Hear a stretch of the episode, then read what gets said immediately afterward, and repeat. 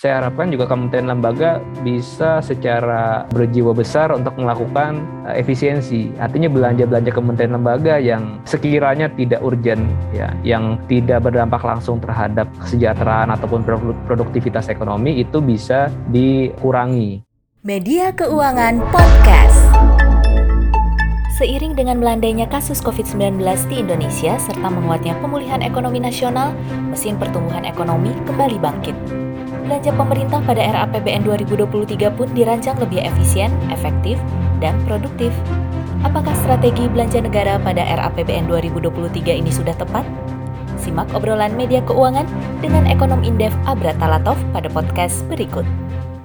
Pertama, menurut Mas Abra sendiri nih, belanja pemerintah pusat ini kan menurun ya dari outlook 2022 itu dalam rangka konsolidasi fiskal. Bagaimana perspektif Mas Abra terkait hal tersebut? Ya, saya memang melihat bahwa komitmen pemerintah untuk melakukan tahapan konsolidasi fiskal di tahun 2023 mendatang memang sudah on the right track. Artinya sesuai dengan mandat di dalam Undang-Undang Nomor 2 tahun 2020 di mana memang ketika pandemi pemerintah diberikan fleksibilitas atau diskresi untuk bisa menambah defisit anggaran di atas 3% terhadap PDB selama tiga tahun. Dan alhamdulillah ya setelah melalui ujian yang cukup berat itu, pemerintah kan juga sudah melakukan apa ya selain melakukan refocusing dan realokasi anggaran juga menambah belanja uh, semata-mata untuk melakukan pengendalian COVID dan juga menjaga daya beli dan kesejahteraan masyarakat. Dan akhirnya momentum pemulihan ekonomi sejak semester 2 tahun lalu 2021 sampai 2022 ini masih berlanjut. Ekonomi kita sudah pulih dan kita kita harapkan memang sampai tahun mendatang dan di tahun-tahun berikutnya ekonomi kita bisa terus tumbuh positif. Nah, pertumbuhan positif ini kan tentunya juga didukung dari belanja pemerintah selain dari konsumsi rumah tangga dan investasi swasta. Nah, memang ada hal yang cukup menantang ya untuk postur APBN di tahun depan walaupun defisitnya sementara ini kita lihat sudah di set di bawah 3% terhadap PDB, tetapi kan masih ada risiko ya kebutuhan belanja terutama menghadapi ancaman inflasi. Nah, walaupun kita tahu bahwa defisit APBN tahun depan itu 2,85 persen,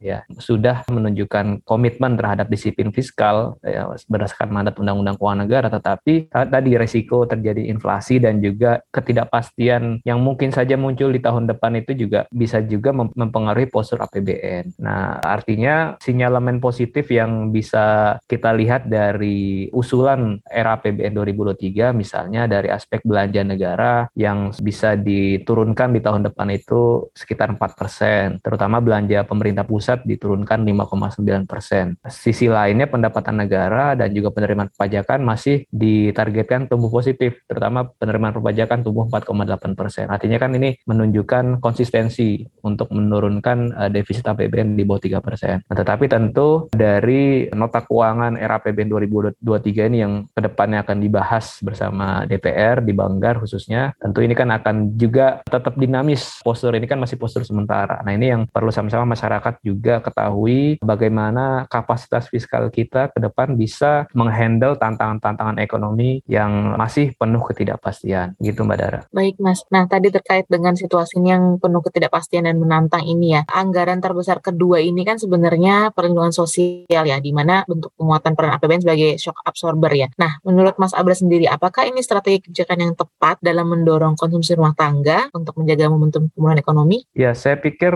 anggaran perlindungan sosial akhirnya akan menjadi salah satu pos belanja prioritas pemerintah karena pertama tadi ada resiko inflasi yang masih tetap tinggi, baik itu inflasi pangan maupun inflasi energi. Apalagi kita tahu saat ini pemerintah juga sedang ancang-ancang untuk melakukan reformasi kebijakan subsidi energi yang salah satu implikasinya misalnya dengan opsi melakukan penyesuaian harga BBM bersubsidi. Nah ini kan juga pasti akan punya efek jangka pendek dan jangka menengah terhadap inflasi, terhadap daya beli masyarakat. Artinya ketika pemerintah terpaksa melakukan penyesuaian harga BBM bersubsidi, di sisi lain juga perlu adanya bantalan sosial yang perlu dipertebal aktual. Nah, salah satunya melalui anggaran perlindungan sosial. Nah, di dalam RAPBN 2023 kita lihat kan memang tahun depan anggaran perlindungan sosial ini nilainya sedikit menurun ya, 4,7 persen dari 502,6 triliun di tahun ini outlooknya menjadi 479,1 triliun. Tetapi sebetulnya penurunan ini saya melihat kalau memang ini dasarnya atas misalnya di tahun ini masih ada beberapa anggaran perlindungan sosial yang sifatnya karena dampak COVID-19, sedangkan di tahun depan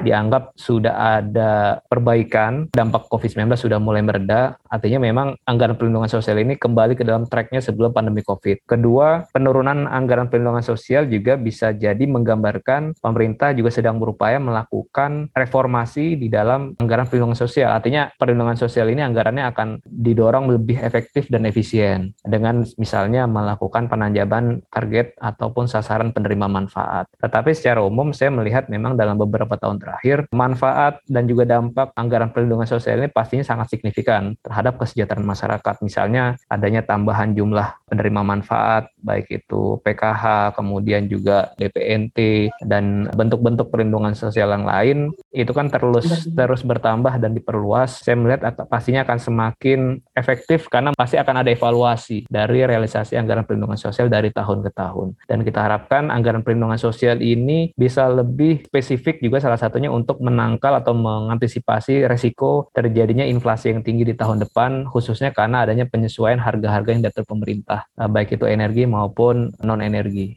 Nah, kemudian tadi soal alokasi juga yang menurun ya, Mas. Di era PBN itu salah satu yang menurun alokasinya adalah anggaran kesehatan karena dengan argumen bahwa udah mulai terkendali nih pandemi COVID-19 dan lebih banyak difokuskan untuk meningkatkan pelayanan kesehatan yang reguler. Menurut Mas Abar bagaimana? Apakah ini sudah tepat nih? Iya, untuk anggaran kesehatan ya kita tahu bahwa pandemi COVID-19 relatif sudah terkendali ya sejak pertengahan tahun ini dan kita harapkan semakin kecil karena selain vaksinasi juga sudah makin masif juga tingkat imunitas dari masyarakat juga semakin tinggi. Walaupun di sisi lain kita tahu masih ada ancaman barangkali resiko pandemi ataupun virus yang lain, misalkan virus cacar monyet yang saat ini juga sudah masuk ke Indonesia. Tapi karena memang anggaran kesehatan untuk pandemi COVID sudah bisa dilakukan pengurangan atau pemangkasan, artinya pemerintah memang sudah seharusnya kembali fokus dan konsen terhadap tantangan-tantangan di sektor kesehatan, di mana dari sisi infrastruktur juga ini menjadi masih menjadi PR buat sektor kesehatan kita bagaimana bisa melakukan pembangunan infrastruktur yang merata infrastruktur kesehatan yang merata. Artinya tidak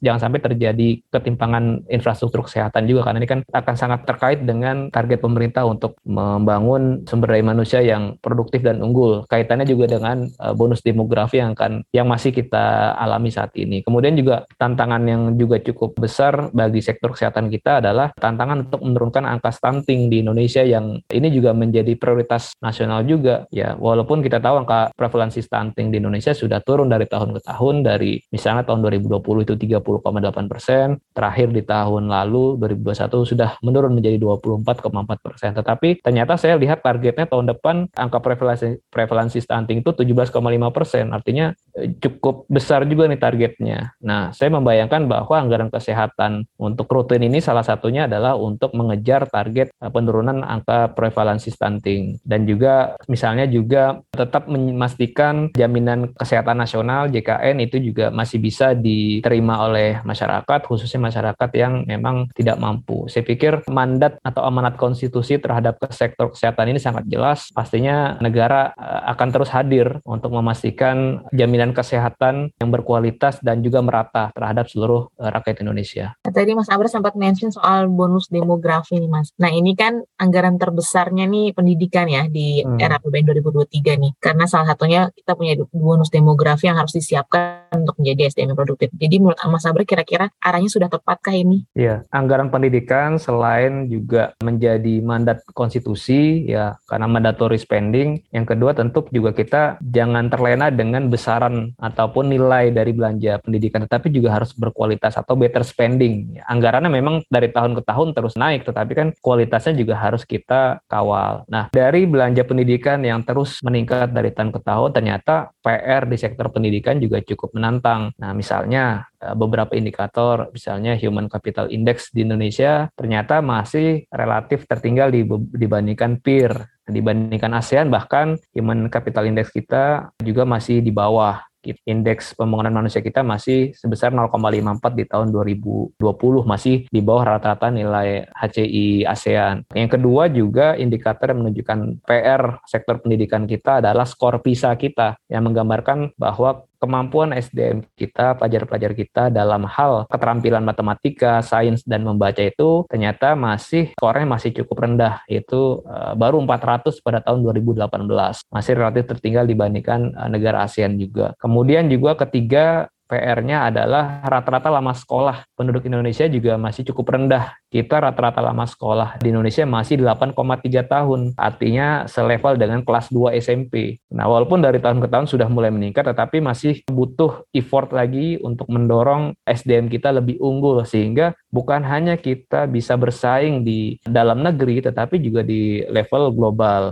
Nah, saya pikir anggaran pendidikan tadi selain untuk meningkatkan kualitas pendidikan dari sisi manusianya, juga tentu dibutuhkan juga untuk meningkatkan pembangunan infrastruktur karena juga lagi-lagi bangunan sekolah, infrastruktur penelitian, lab dan lain sebagainya kan masih sangat dibutuhkan bukan hanya dari sisi kualitas, kuantitas tetapi juga merata antar daerah. Ini juga menjadi mandat konstitusi terkait dengan tujuan kenapa anggaran pendidik dikunci sebesar 20% terhadap APBN ataupun APBD. Nah ini kita mungkin udah masuk ke penerimaan nih Mas. Kalau terkait penerimaan nih Mas, mungkin kan kita tahun ini banyak berkah dari windfall profit ya. Hmm. Di tahun depan mungkin saja tidak sebesar sekarang atau mungkin menurun atau mungkin tidak ada. Nah menurut Mas Abra nih masih aman nggak sih ini penerimaan kita nih di tahun depan? Penerimaan negara secara agregat kita lihat di tahun depan di uh, masih diproyeksikan atau ditargetkan tumbuh positif ya sebesar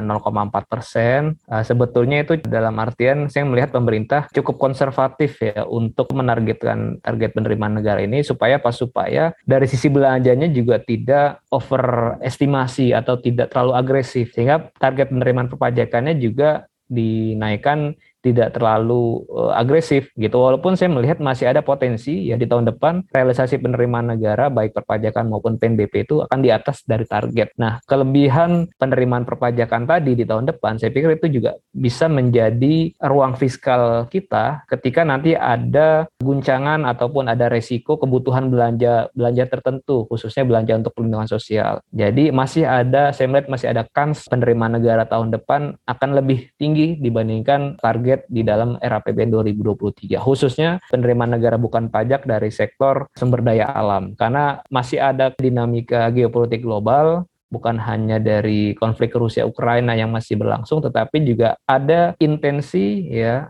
ataupun resiko terjadinya konflik baru di regional-regional tertentu khususnya di kawasan ataupun antara Taiwan dengan Tiongkok. Ini juga masih ada resiko. Karena perang Ukraina Rusia di awal tahun kemarin pun semua pihak menyatakan tidak mungkin mustahil ada perang terbuka. Ternyata terbukti terjadi perang terbuka. Dan ini juga ada resiko ke sana sehingga ketika nanti ada konstelasi baru, geopolitik global baru, ini juga berpotensi menekan produksi, mengganggu apa namanya rantai pasok sehingga akan tetap menyebabkan harga-harga komoditas dunia tetap tinggi. Nah, Indonesia ya satu sisi mendapatkan berkah windfall profit dari kenaikan harga komoditas yang tinggi tadi. Jadi ada peluang dan juga ada risiko di balik ketidakpastian ekonomi global di tahun depan. Baik Mas, berarti kalau dari sisi aspek penerimaan nih Mas, menurut Mas Abra yang akan menopang penerimaan negara kita tuh aspek apa? Yang pertama dari sisi PNBP, seperti saya katakan tadi, momentum windfall tax dari komoditi boom ini masih berpotensi berlanjut. Kemudian yang kedua, tentu kita harapkan dari penerimaan perpajakan karena ekspektasi kita terhadap pemulihan ekonomi masih terus berlanjut di tahun depan di level 5,3 persen. Ya pertemuan artinya kan penerimaan perpajakan juga seharusnya harusnya masih on the right track ya penerimaan PPH, PPN dan sumber-sumber perpajakan lain itu kita harapkan masih akan positif selama lagi-lagi pemerintah mampu melakukan upaya stabilisasi inflasi karena inflasi ini kan juga menjadi hantu terhadap target-target pertumbuhan ekonomi pemerintah. Jadi prospek terhadap penerimaan negara kita khususnya penerimaan perpajakan saya pikir masih cukup terbuka lebar asalkan momentum pertumbuhan ekonomi ini bisa dijaga dan juga stabilitas bukan hanya stabilitas ekonomi tetapi juga stabilitas sosial dan stabilitas politik akan menjadi fondasi ya terhadap pemulihan ekonomi dan juga penerimaan perpajakan kita di tahun mendatang. Karena kita tahu tahun depan sudah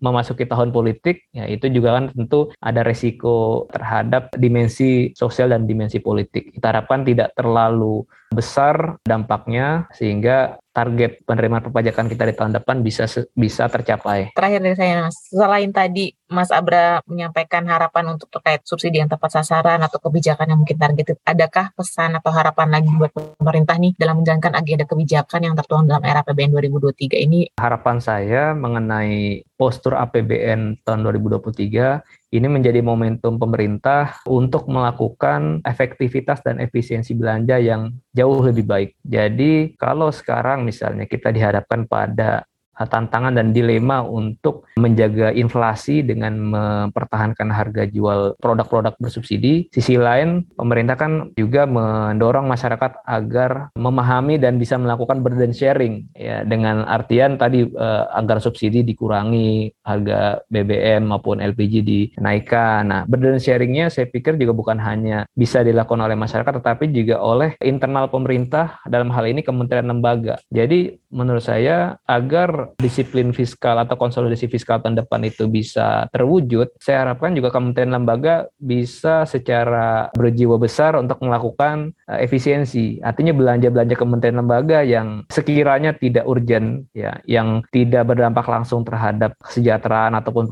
produktivitas ekonomi itu bisa dikurangi. Nah, saya melihat kan juga di realisasi semester 1 ini, ya di dalam APBN 2021 semester 1, masih banyak kementerian yang serapan belanjanya itu masih cukup rendah, bahkan di bawah 30%, bahkan 20-an persen. Nah, artinya ini kan menandakan sebetulnya APBN kita masih cukup mampu untuk dilakukan efisiensi lagi, perampingan lagi. Nah, itu salah satu saya pikir uh, opsi yang bisa dilakukan pemerintah untuk menjaga track konsolidasi fiskal di tahun depan ini lebih smooth dengan melakukan reformasi dari sisi belanja negara. Itu yang terakhir, saya melihat bahwa momentum tahun politik ini juga perlu dijadikan kesempatan ya untuk sama-sama masyarakat juga bisa lebih tersadarkan bahwa APBN ini adalah APBN milik rakyat yang rakyat juga harus peduli dan bisa menerima ataupun bisa memberikan masukan terhadap kebijakan-kebijakan dalam APBN ketika misalkan pemerintah ingin melakukan efisiensi dalam kebijakan tertentu masyarakat bisa menerima. Di sisi lain masyarakat juga terdorong atau lebih mendukung program-program pemerintah khususnya melalui gerakan kampanye pembayaran pajak. Artinya kita mendorong warga ataupun masyarakat untuk taat pajak membayar pajak itu konteksnya dalam hal sama-sama kita ingin mewujudkan APBN kita yang lebih sehat dan lebih produktif di dari tahun ke tahun. Begitu Mbak Dara. Terima kasih Mas.